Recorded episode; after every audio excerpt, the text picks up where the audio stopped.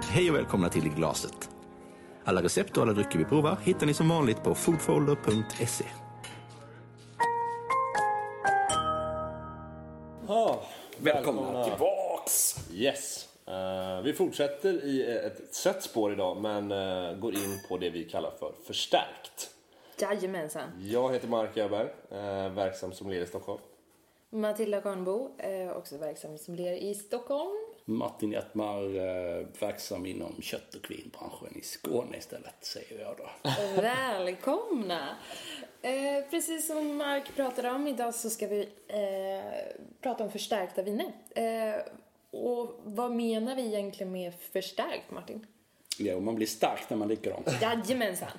Nej, vi menar att eh, det är viner som man har tillsatt en eh, sprit i.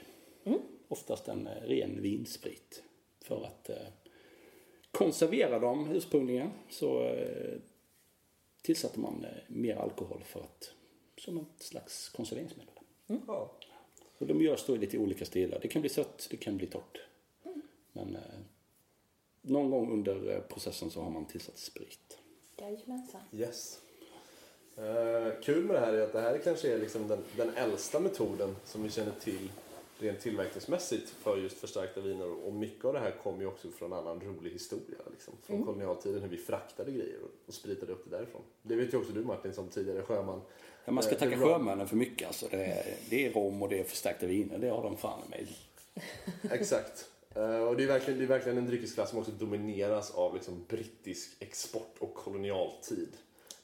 Det ser vi fortfarande i utbudet. Men, eh, men absolut, det här kanske är den största gruppen av liksom, diversifiering av drycker som ändå faller under samma kategori. Mm. Eh, så jag, jag hugger första glaset. Jajamensan. Eh, första glaset har vi en spansk dryck som kallas för sherry. Som är ett fortifierat vin. Eh, så det här görs nere liksom precis på toppen av Gibraltarsundet så ligger Jerez. Härifrån så finns det en mängd stor, olika stilar av sherry. I, idag så har vi det som man ofta benämner kanske som den lättaste stilen. Och den heter Fino. Eh, Så det här görs, man gör ett vanligt vitt vin eh, som man sen lagrar och för att avstanna jäsningsprocessen och stabilisera vinet så adderar man sprit. Sen finns det ett väldigt säreget lagringssystem i sherry som vi inte ska prata jättemycket om idag men det, den får väldigt mycket av sin smak av hur den lagras.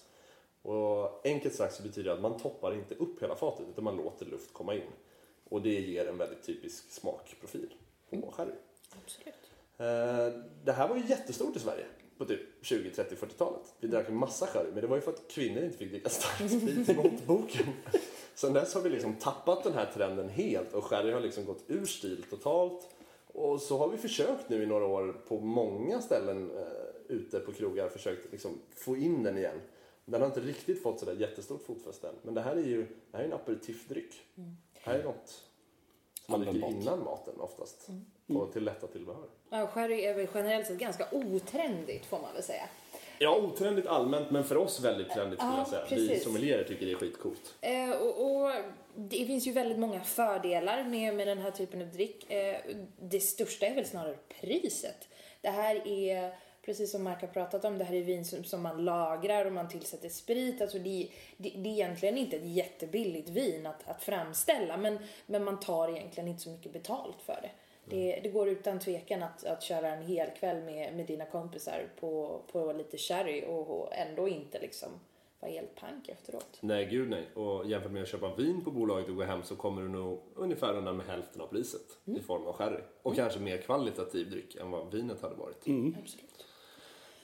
Ja, ja, men ska vi prata lite grann om hur det faktiskt ter sig i glaset? Eh, som sagt, det är förstärkta viner vi avhandlar i det här avsnittet och generellt sett eftersom vi har adderat sprit så kommer alkoholmängden sticka iväg lite eh, när det gäller de här vinerna. Oftast så ligger man över 15 procent och kan vara upp snarare mot, mot närmare 20. Så att det, det blir en ökad eh, alkoholmängd generellt sett. Eh, det som är lite speciellt när det gäller just Fino Cherry är att den har ju väldigt, väldigt starka toner av till exempel mandel. Eh, vi hittar också det man kan prata om lite så här oxidationskänsla och snarare om man tänker lite Tänk dig att du lägger ett, ett äpple som du har tagit ett litet nafs från och så lägger du ifrån det och så börjar det bildas den här lite gulbruna hinnan över det hela. Då kan man få lite lätt de tonerna som man hittar i glaset. Men sherry generellt sett och fino är ju väldigt säreget. Har man provat det en gång så har man oftast en referens till hur det, Ja, det är ganska sig. svårt att förklara hur det här... Ja, och det ser ju verkligen ut som ett vanligt vitt vin i glaset. Stilla, eh, inte som att det är så här fruktansvärt trögflytande eller någonting. Det är ju inte ett sött vin, det är ju torrt liksom i stilen. Men, eh, men jag håller med dig. Jag, jag kan många gånger tänka på så här olivspad. Ja, verkligen. Burkchampinjon. Eh, Det här låter ju inte så sexigt när man säger de här smakämnena men, men tro mig, under det här finns det ändå en uppsjö av citrus och friskhet i vinet som, som bär det. Absolut. Eh, Men eh, få människor jag har serverat sherry har gillat det ifrån första sekunden. Det är också lite sån här dryck, prova dig fram, våga prova fler gånger. Eh, Jag tror fler svenskar använder sherry i matlagning än vad de faktiskt dricker sherry. Absolut. Så här, till stuvade framförallt svamp så är sherry typ ett helt exceptionellt vin att reducera i vilken svampsås du än gör. Absolut. Och dricka till olika svamprätter. Det, det kan vara bra att nämna att det här vinet är ju snustort. Eh, till skillnad mot de vinerna som vi kommer prova lite senare i avsnittet så, som har lite socker till sig. Det här är... Det är helt, satan. verkligen torrt i satan så att det blir användbart på den helt andra delen av middagen. Ja. Vi börjar alltså med snacks, tapas, småplock, chark, Alltså, chark nötter, är ju kanske oliver. ja. Är ju liksom... Kanske en av de få dryckerna som faktiskt pallar oliv. Ja. Ja. Oliv är ett typiskt snacks man kan få ute men det kommer ruinera gommen helt inför nästkommande dryckupplevelse. Medan sherry är ju klockrent i det här läget. Absolut. Picklade saker, om de liksom kanske inte är svenskt jättehårt ättikspicklade utan mjölksyrade grejer. Och, Ja. Ja men verkligen. Eh, Det är ju lite en upplyftande. Det är energi i det tycker jag. Ja. Det, det finns någonting väldigt sådär, usch. Ja. det är en kul, lång eftersmak. Och ett, och ett vin som jag gillar att dricka mycket av men som jag gärna tar i små sippar. Ja. Till exempel när vi pratade om söt Riesling i förra avsnittet. Då kan jag aldrig liksom hejda mig från att bälja i mig stora klunkar. Även fast man kanske ska sippa det vinet. Men här är det mycket lättare att faktiskt sippa det. Det är torrt. Och så får man en ganska markant sälta i eftersmak. Och det får man liksom, tror jag, kreditera Jerez och, och jordmån och läge. Liksom. Det ligger nära kust och i magra jordar. Ja. Ja, men, eh, allt igenom så är det ju fem av fem tummar upp för såna här viner. Och, Verkligen. Ja, ehm. Verkligen. Prova mer sherry helt enkelt. Ja, Och det finns ju, det har vi inte gått in på, men det finns ju lite olika stilar och jag tror verkligen att det kan finnas någonting för alla. Ja, verkligen. Det finns ju nästan som ett helt färgskala inom sherry. Nu går vi från liksom det som ser ut som att vara ett vitt vin. Och det är väl kanske egentligen bara två klasser av sherry. Alltså det skulle vara fino och så finns det en annan klass som heter manzanilla. Som är väldigt nära varandra. ja. Det är inte direkt som att jag blindar dem ifrån varandra jämt. Jag kan sätta det ena som det andra. Ja. De hör ju väldigt mycket ihop i stil. Det, är, det är först sen egentligen som vi, då märker man det på färgen. För då helt plötsligt så har de oxiderat mycket, mycket mer. Eh, Och då blir det en annan grej. Då blir det mer nötter. Men äh, fortfarande väldigt användbart. Ja. Absolut. Det, Ja, vad ska jag få smaka i glas nummer två då Martin? ja, det här är grejer. Nu ska vi åka upp till Portugal istället. Till äh, Setúbal-halvön utanför äh, Lissabon. Vi har alltså ett Muscatel de Setúbal i glaset. Alltså det här doftar så fantastiskt. Ja, Verkligen. det här är ju en annan variant av muskat. Den jag kallar mera åt det orange citrusspåret. Verkligen. Lite småtorkat, marmeladigt.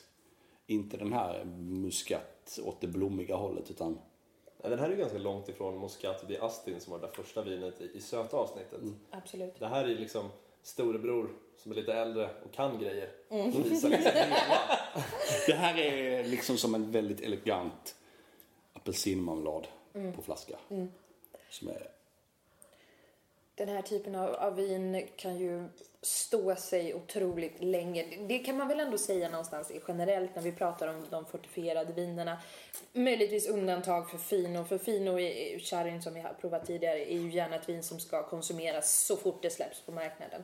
Men de andra typerna av vinerna kan ju hålla otroligt länge. Och nu pratar vi liksom otroligt, vi pratar hundra år och, och lite till. Det som kommer ge upp, det är korken liksom. Men, men just Fonseca släpper ju lite olika buteljeringar. Vi har ju eh, där de själva har lagrat vinerna eh, 10, 20, 30, 40 år. Eh, så en otroligt bra produkt. Eh, det här gör man genom att man tar fram ett stilla vin på muskat. Och sen eh, jäser man det en, bit på vägen.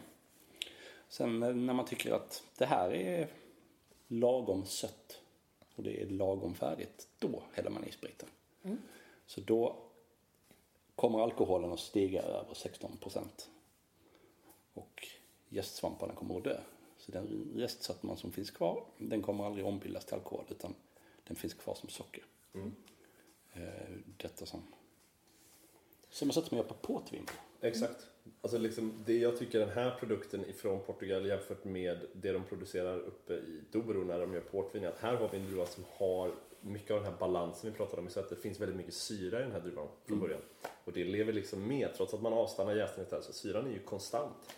Och det märks i den slutgiltiga drycken att port kommer oftast kännas tyngre och maffigare, mer fullblodigt. Medan det här erbjuder även knäckiga pomeranstoner och mandel. Och, Men det finns även den här syran i bakgrunden som gör det lite friskare. Absolut. När det gäller att kombinera det här till mat, precis som för att spinna vidare på det som Mark sa, vi, vi har knäckiga toner, vi har pomerans och det- det är liksom, det är bara att utnyttja dem fullt ut. Absolut. Uh, jag håller med dig. Alltså, det, det går så väl.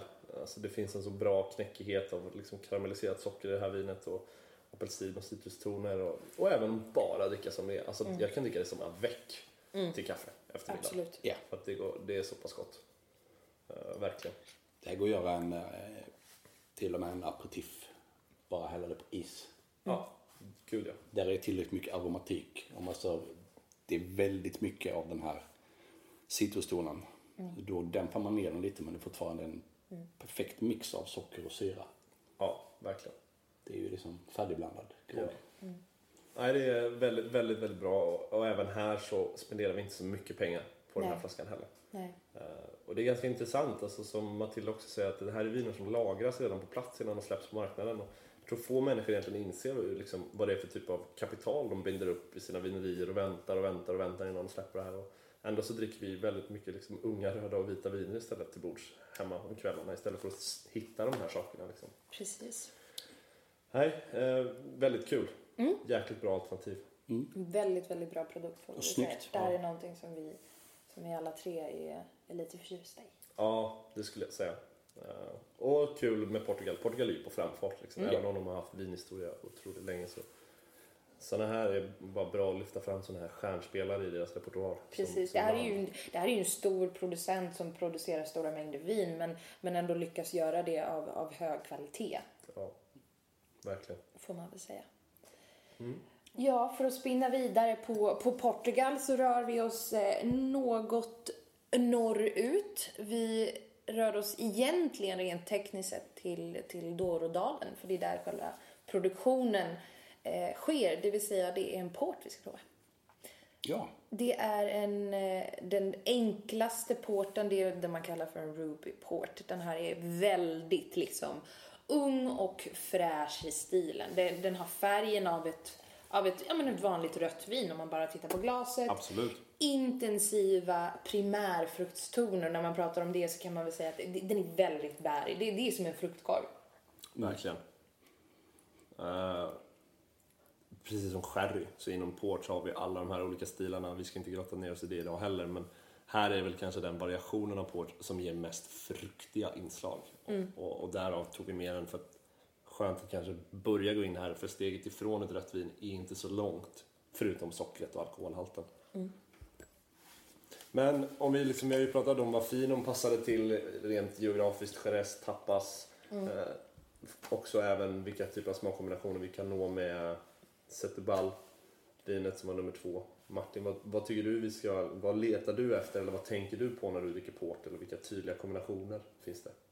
alltså det är ett vin som är lite svårt att kombinera till mat. Men det finns ju andra delar av av eh, menyer som den passar bra till. Ost. Kanske inte generellt all ost men eh, lite lagrade. Skulle vilja tänka mig en eh, alltså lagrad svensk ost hade varit väldigt gott i detta. Gud ja. Också till muskatten. Eh, då hade man liksom spelat på den här klassiska kombinationen apelsin och ost. Eh, här spelar man på liksom mer en röd fruktighet. Alltså det blir en röd marmelad istället så har man den som ett vin. Så det gifter sig. Men även till choklad. Absolut. Verkligen. Eh, det här är ju liksom en... Det är en lite större liksom recioto egentligen. En recioto som vi häller sprit i fast också kanske ett vin som är gjort på lite kralligare druvor från början än vad recioton var. Men ja, jag håller med dig. Alltså ost, gärna hårda lagrade ostar. Ja. Ostar som gärna kan få ha en del salt i sig. Det behöver inte nödvändigtvis vara mögel.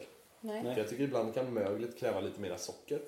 Men eh, med lite salt så kan man också få ner för här börjar man ju känna lite mer av alkoholen, tycker jag, i de förstärkta vinerna. Av de här tre första vi provar så det betydligt kanske mest alkoholsensation i porten. Inte nödvändigtvis att den är out of place eller att den är obalanserad. Nej. Men här får man ändå vara van vid det, att det finns som ett element i den här drycken och det ska finnas där. ja. Det, det är inget tecken på att det är defekt eller obalanserat eller knasigt liksom. Nej. Nej, verkligen inte. Och lite som, som vi pratade om tidigare, produktionsmetoden. Ja, men det här är ju ett, ett spritförstärkt vin, precis som man gjorde med, med muskatellen. Så, ja, men man har påbörjat en jäsning. De har liksom fått legat och lakat ut. Det här är ju fottrampade druvor också, som det så fint är. Eh, så man går ju där i de här eh, badkaren och, och trampar och, och dricker vin och tycker att livet är en fest. Och sen så sätts jäsningen igång, den, den pågår, man avbryter den med sprit och sen så har man ju liksom sockret som hänger kvar. Ehm, ja. Nej men lite om, om serveringstemperatur då. Ehm, för att det, de skiljer sig ju lite grann mot andra typer av söta viner. Eh, till exempel finon som vi provade först skulle jag gärna dricka sval. Ja, gärna som Eh, ett vitt vin i princip. Precis, precis. Eh, medans muskatellen, ja, gärna åt det kanske svalare hållet men behöver liksom inte vara kylskåpskall och definitivt inte porten heller. Nej. Just på porten så har de själva skrivit på baksidan att man vill, de önskar att man serverar den någonstans mellan 16 till 18 grader och det, det kan jag köpa detta av faktiskt. Jag håller med. Eh, Det känns också som en så här, rent mellan oss och andra människor som håller på rent professionellt med dryck så är det, det är ett ganska typiskt temperaturspann för drycker. Mm. Eh, Framförallt när det kommer till kanske väldigt kralligt vitt kan falla in där men nästan alla röda viner eh, mår bra av att serveras någonstans mellan 16 och 18 grader. Ja, Det är så knepigt när man ibland eh, säger till människor ja men de brukar alltid servera sina viner rumstempererat och så säger vissa bara ja men det gjorde de ju förr i tiden. Och det gjorde man, men då hade vi inte fjärrvärme och eh, treglasfönster. precis. Så och inte är det 25 liksom, nu är grader det inne. 25 grader varmt i lägenheten och när de tänkte rumstempo 1940-talet så var det väl typ 18-19 grader varmt inomhus kanske. Ja. ja. Så det där tror jag man måste liksom förstå att nu är det faktiskt värt att kyla alla drycker man egentligen dricker. Till någon mån. Ingenting är tänkt att vara så varmt som det är i köket liksom. Det höjer ju upplevelsen av vinet. Man behöver liksom inte... Ja. Det finns ju någon människa som har lagt ner tankar och energi på att producera det. Så då kan man ju göra det, ge de bästa förutsättningarna med typ bra glas, bra temperatur. Exakt. Och temperatur i alla fall, det är ju inte en kostnadsfråga för dem. Nej. Det kan ju alla ordna. Ja. Så där tycker jag verkligen, testa dig fram och, och testa till och med att kyla någonting för mycket för då ser du också att till slut så kommer kylan ta bort saker ur vinet. Så att du förstår att det finns ett spann att hålla sig inom. Absolut. Det är inte som att vi tycker 16 är bra men 15 grader är bättre. Nej. Utan nej, utan någonstans finns det en punkt att det ska inte vara kallare än det här heller. Liksom, för då tar vi bort så mycket aromer. Och det handlar ju inte om att vi ska stoppa ner det i, i snön utomhus eller att vi ska stoppa in flaskan i frysen utan stoppa bara in den i kylskåpet en, en halvtimme innan du ska servera den och plocka ut den lite innan den ska serveras så kommer du ha sänkt temperaturen tillräckligt. Ja, absolut. Nog om temperaturer, Mark. Mm. Vi fortsätter. Ja, vi är ju fortfarande då i södra Europa utanför Portugal. Nu har vi kommit till en mytomspunnen liten ö som kallas för Madeira. Oh. Eh, otroligt häftigt eh, landskap och här bedriver de även vinodling och de är superkända för att göra just Madeira-vin. Eh, Görs i ett par olika former av söthetsgrader, det finns fyra stycken. Men det här är kanske några av de häftigaste, mest lagringsdugliga förstärkta viner som existerar. Absolut. Eh, Och mycket det, vi drog i den parallellen lite tidigare, här har vi också druvor med hög syra i. Och det är det som gör att det får ytterligare en dimension i, i lagringskapacitet. Eh, De har ju en specifik grej för sig som vi inte ska snacka för mycket om, men de hettar ju upp vinet. Eh, Det finns en bulkbudgetmetod och så finns det en väldigt, väldigt kostsam metod man gör det här och det har ju mer att göra med slutprislappen på flaskan. Absolut. Och ambitionsnivån. Absolut. Eh, Men det ger en otroligt härlig och knäckig, bränd, eh, ibland kokad kan den kännas som den kanske är av lägre kvalitet, men fantastisk karaktär till vinet. Eh, Och likaså här som med moskatellen från Zetterbalhalvön, eh, otroliga kombinationsmöjligheter. Absolut. Ehm, Ja, och häftigt. Alltså det är ju det är kul att se. Alltså jag känner båda andra människor som har provat Madeira ner från 1800-tal och det är fortfarande vitalt. Och väldigt, väldigt gott. Det är väl i princip det man kan få tag på som är mer än 100 år gammalt och, Ja. och håller ihop fortfarande. Absolut. Och man kan komma ner till det går med lite vilja att komma tillbaks till typ franska revolutionen. Alltså, nu Ja. snackar vi 1700-tal. Ja. Och det är ju ganska originellt. Och det är ju liksom, det är en lit- liten, liten ö som är liksom fruktansvärt brant. Det går inte att jobba med maskiner någonstans. Det är bara terrasserade vingårdar. Man har bundit upp alla rankar för att de ska kunna stå så att det inte eroderar ner. Det är en gammal vulkanisk ö, så det finns, allt finns ju liksom. Det är ju liksom av ett, det är ju en unik liten jordplätt mm, ut i Atlanten. Precis. Som gör de här grejerna. Precis.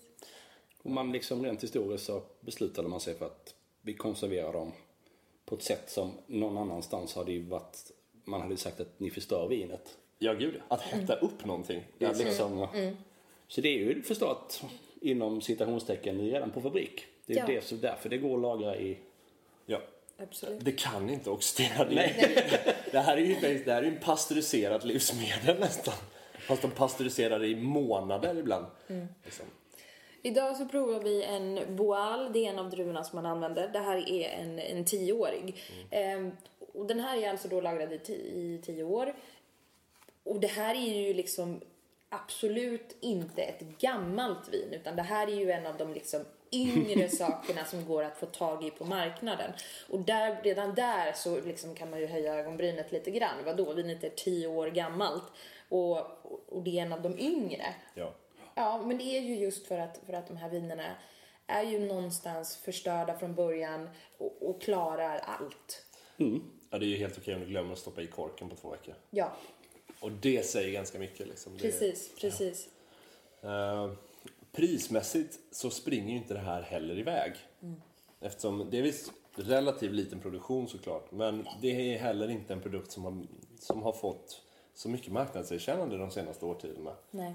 Det här kan ju vara bland det mest ohippa vi kan eh, få tag på. jag. Ja, alltså det, det används väl en del, del till såstillverkning men, men det är väl ungefär det som, som gemene man använder sin Madeira till. Ja, Skulle ja. jag säga. Och det är lite synd för likt många andra av de här förstärkta vinerna så det tål ju, har man en flaska hemma så kan man skvätta i någonting i lite av det mesta liksom. I med lite i pastasåsen, testa liksom. För Man får in en, en liten annan karaktär. I det här fallet får man in en nötighet i, i maten. Ja, alltså ska man liksom försöka särställa Madeiran ifrån det vi tidigare har testat här så kan man tänka liksom, om man har Moscatel de Setterballen som hade syra och var ett förstärkt vin, så om man bara adderar egentligen en oxidativ karaktär till det, då börjar man närma sig liksom vad Madeira är. Så det är lite som att Moscatel och Sherry får ett barn. Precis. Och så kan vi säga att det skulle kunna vara Madeira. De förenar en del av det som båda de världarna har. Säreget för sig själv, men har i en samma flaska. När vi pratar lite grann om- vad, vad i hela friden ska man då dricka det här till eftersom att det, det har man uppenbarligen lite problem med att hitta användningsområden. Generellt sett så man behöver inte göra det så svårt. Det här är en dryck som går alldeles utmärkt i olika typer av ostar. Eh, n- nu förespråkar vi ju vin till ost för att det finns så många användningsområden och du behöver inte ha ett vin till en ostbricka. Kör lite olika för du kommer hitta saker som du själv gillar. Eh, vi har även pratat lite grann om att sötare desserter, det här skulle definitivt kunna fixa upp en, en crème brûlée Ja. till exempel.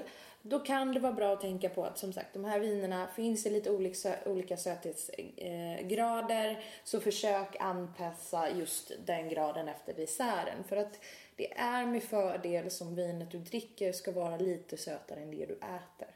Ja, definitivt.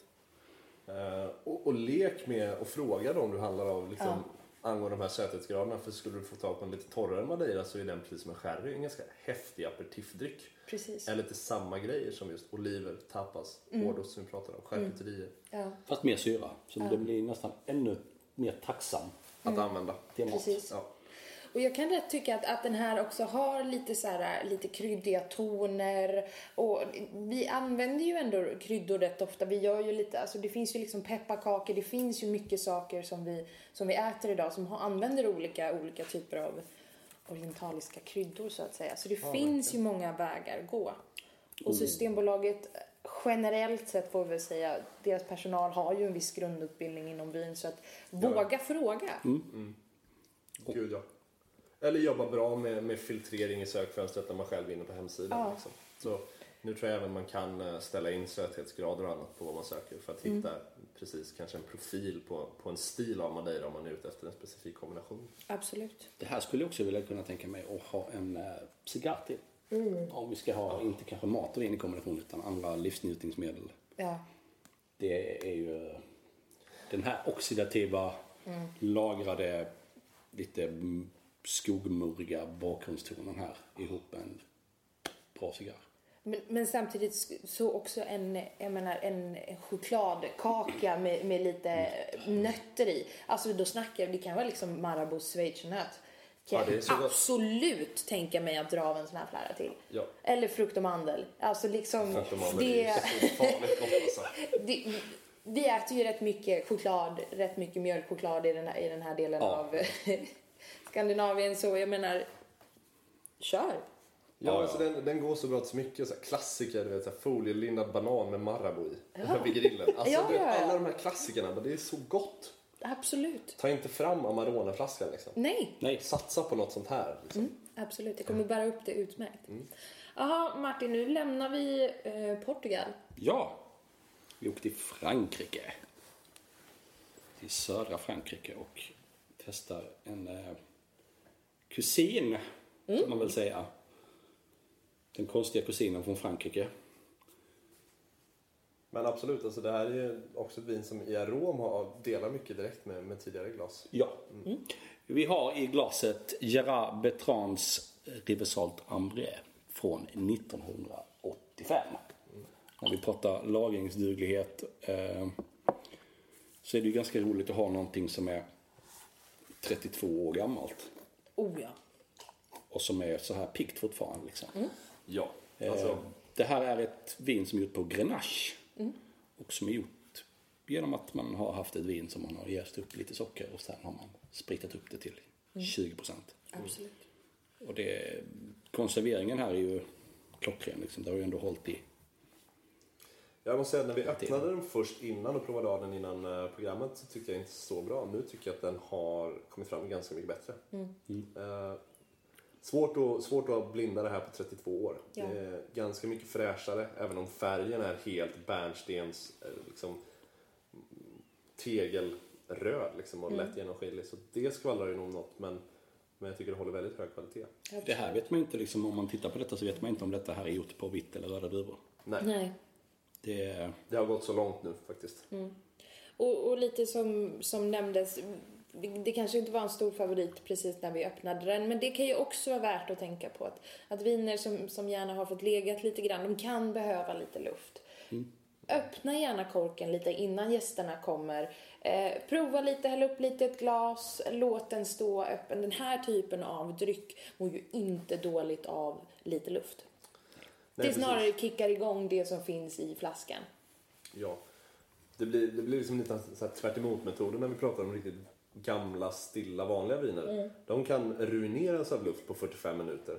Medan när vi har så här mycket alkohol och socker, då, då kommer de inte göra det. Då är det helt okej. Slår den kanske inte på karaff, men precis som Matilda säger, poppa den under tiden du lagar maten 40 minuter innan de kommer. Ja. Det kommer nog bara bli bättre på 40 minuter. Absolut. Eller oförändrat. Ja, man har tagit liksom upp ett glas så man får en lite större kontaktyta i, i flaskan. Så Exakt. tvinga på den lite luft. Det här är ju ganska trevligt. Om du skulle kombinera det här med någonting Martin, vad skulle du eh, vara sugen på att äta? Mm. Alltså jag, här är ju ganska mycket lagringssmaker och dofter. Så jag är ju, det blir lite höstigt. Och det är ju trevligt. Eh, Äpplen, Den anspelar liksom äpplen, lite nötter, kola. Ja. Någon schysst paj-historia.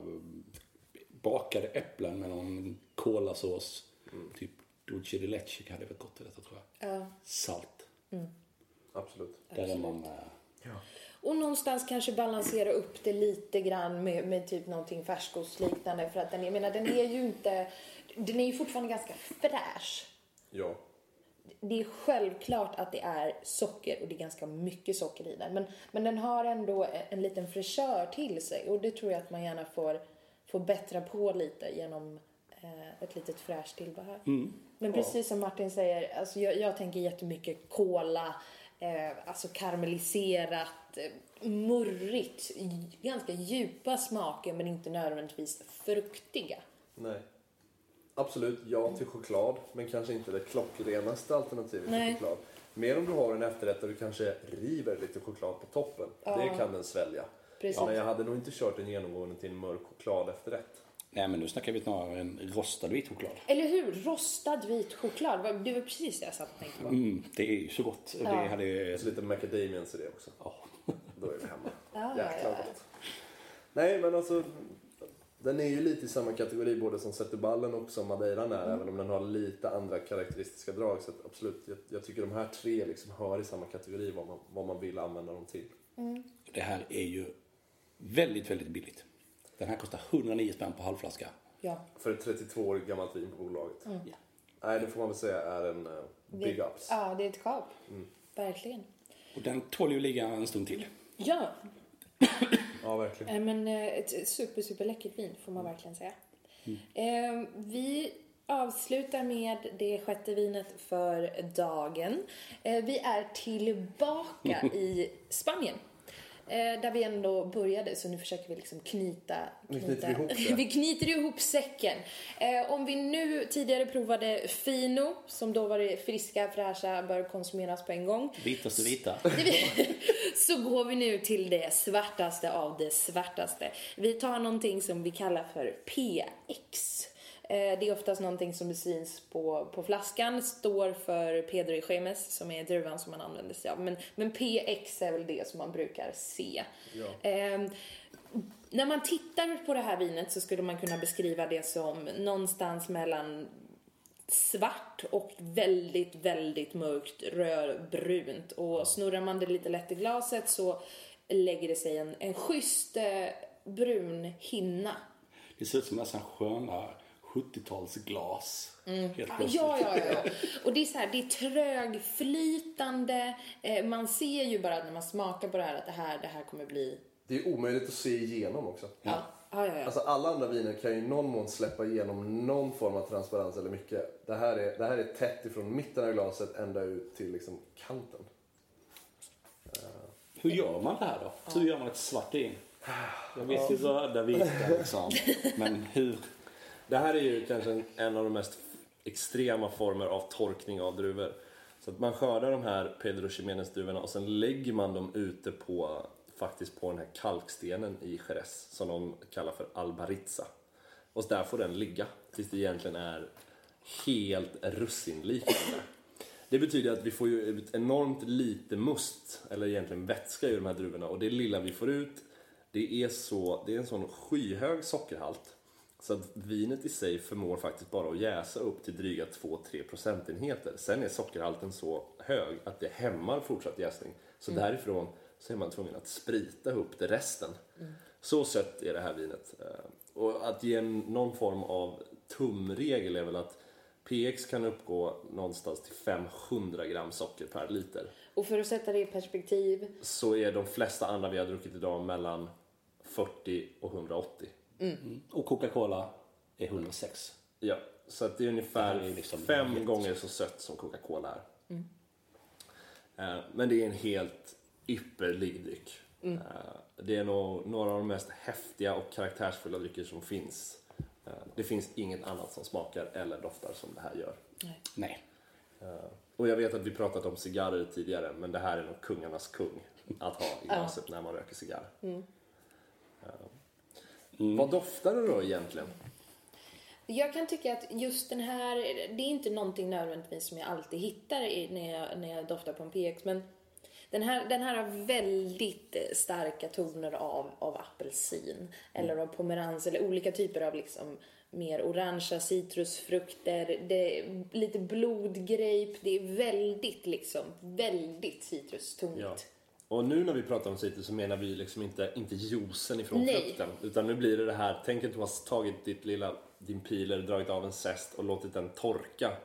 Och sen dofta på den efter några dagar. Precis. Där är vi nu Ja. liksom. Eh, och det är det som, det blir fräscht samtidigt som det blir utvecklat och komplext. Och det gör ju liksom, och sen smakar det ju en hel del russin. Alltså det är Absolut. mörkchokladigt på ett håll som drar väldigt mycket åt romerska bågar. Ja. Om man ska göra det lite enklare. Alltså de mörka romerska bågarna. Där har vi en smakbrygga som är... ja som är löjligt bra alltså. Ja. Ja. Så gör gärna en dessert med en chokladdessert baserad på Ja. en apelsinchoklad av god kvalitet. Ja, ta fram ett kilo strösocker alltså. Ja, Ja, men är det gärna en- bomba den kladdkakan. Är det, precis, är det någonstans du ska, du ska kombinera med en kladdkaka så, så är det ju här liksom. Ja. Chokladfondant. Ja. Om man vill eh, vara ännu mer fancy liksom. Men det är ju det är i princip samma smak. Riktigt, riktigt mörk choklad. Är du förälskad i mörk ch- blockchoklad så liksom mumsa loss och Köp drick lite det här. det spelar ingen roll. Nej, det är det. Oh. Vill man göra det ännu, ännu enklare så är det här dessutom en typ färdig dessertsås. PX och vaniljglass. Ja. Ja. Så, Det är bara att ringla på. Ja. Så det är den serveringen klar liksom. Och just faktumet, iaktta det, man ringlar PX. Man häller inte PX. För det går inte. Det är så, Så- tjockt. Tjockt är det, även om ni inte ser våra glas.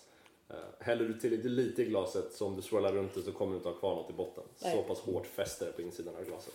Ja, det, är, det här är en otroligt läcker dryck får vi väl säga. Med, med enorma användningsområden och speciellt för oss liksom, i Sverige som äter mycket choklad och gillar liksom, den här typen av, av desserter. Så oändl, alltså, det är oändliga möjligheter. Ja. Ja, på kraftfullare, riktigt, riktigt smakintensiva desserter. Kakao. Ja, Wow. kakao. Och det var Kakao, kul. kakao. Idag så provade vi, idag provade vi PX från 1987. Och bara för 3-4 dagar sedan så var jag hemma hos en vän och så rökte jag en cigarr och då hade han en 1983. Den hade stått i hans kyl öppen i två och ett halvt år med kork i. Den är fortfarande smashing. Ja. Så god är den. Den här, jag har en sån här i min kyl hemma. Och den är liksom, det blir bara mindre och mindre. När man har druckit liksom så man får en bra kontaktyta mot syre. Efter ett par, tre veckor så är den väldigt, väldigt pigg i frukten.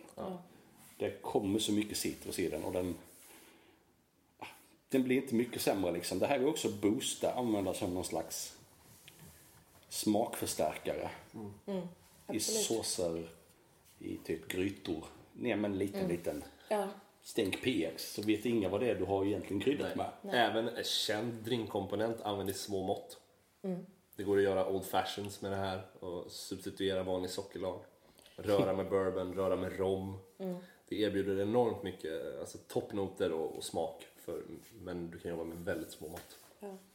Men, men just det här att, att det, liksom, det, det pallar att stå öppet. Det, det gäller ju för mycket av det som jag har provat idag. Och det, Det är väl lite kärnan i det vi säger, att liksom köp det för ni, ni blir inte av med det. nej, det, du förlorar det, det är ju jättetråkigt om man, om man kanske har köpt sin flaska eller sin box och sen så råkar man åka bort eller så uppstår inga festligheter och sen så liksom har det bara blivit trist. Det finns ingenting kvar att, av, av värde att dricka så får man hälla ut det. Men till exempel Madeidan som vi har provat idag har stått öppen hemma hos mig i mitt skafferi i ja, men åtminstone ett halvår.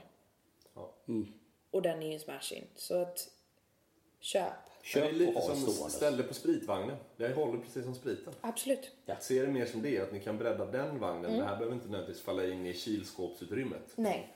Ni kan ha det här oavsett om ni har lite vanlig lagringsyta i ert hem. Liksom. Och skulle, man, skulle det vara så att man kanske bara har lite kvar i flaskan, ja, men häll över det i en mindre flaska helt enkelt. Ja. Och korka på. För det, det är syren som, syret som kommer vara problemet. Ehm, Absolut, på lång sikt det enda som händer Ja. är väl till slut så tappar den bara fruktaromen. ja, Den blir aldrig riktigt defekt. nej. Men det är ju synd att gå miste om den här härligheten och den här intensiteten som drycken har om man liksom väntar årtionden. Liksom. Mm. Ja, det är ju, alltså, ha det ståendes för att det är, typ, det är ju lösbart. Ja. Herregud, vi är två 80-talsgrejer produkter Ja, till ett pris av en vanlig pava rött. eller Precis. vitt, Liksom. Det, är, det är kul att det finns så är- pass bra kvalitet att få tag på. Precis. Det är inte dyrt att utbilda sig här om man faktiskt vill lära sig nya saker. Ja. Och många av de här sakerna eh, går ju att hitta på ute på, på krogen. Eh, allting går att hitta på Systembolaget. Och fördelen som vi har nämnt tidigare det är att det här är ingenting som man dricker i stora mängder utan man, man provar gärna eh, liksom Ofta så serveras det inte mer än, än 8 centiliter av, av det här och det är ungefär det som krävs. Jag kan tänka mig 4-3 centiliter PX är nog. Ja. För Ja. det är så fruktansvärt intensivt. Ja, det är ett järn som räcker i en timme. Ja. Du dricker liksom, vem fan vågar hälla upp sirap 50-50 spett med vatten annars? Det är ju den koncentrationen man har i, i socker. Absolut. Eh, Men det var väl ungefär det som vi ville säga med, med vårt avsnitt gällande förstärkta viner. Ehm, Eller hur? Drick förstärkt. ja. Våga prova, ni blir starka. Jag lovar. Tack för oss! Tack för Tack, oss. hej! Alla recept och alla drycker vi provar hittar ni som vanligt på foodfolder.se.